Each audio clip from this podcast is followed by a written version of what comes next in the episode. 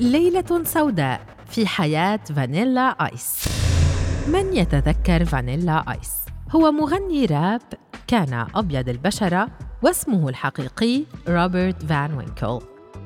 منذ عام 1991 كانت لفانيلا آيس مشاكل مع القانون. وكانت المرة الأولى التي تم فيها إلقاء القبض عليه بتهمة استخدام سلاح ناري بعد أن هدد مشردا بمسدس.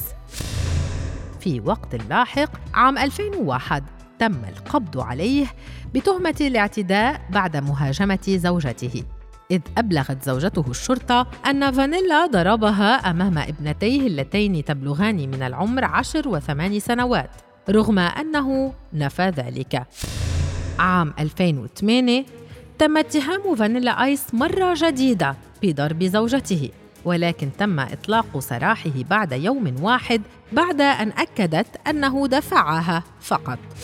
وطلب منه أيضا الابتعاد عن زوجته من تلك اللحظة فصاعدا ولكن هذه القضية تم إسقاطها أيضا تماما مثلما سقطت كل أغاني فانيلا آيس طي النسيان. في السنوات الأخيرة.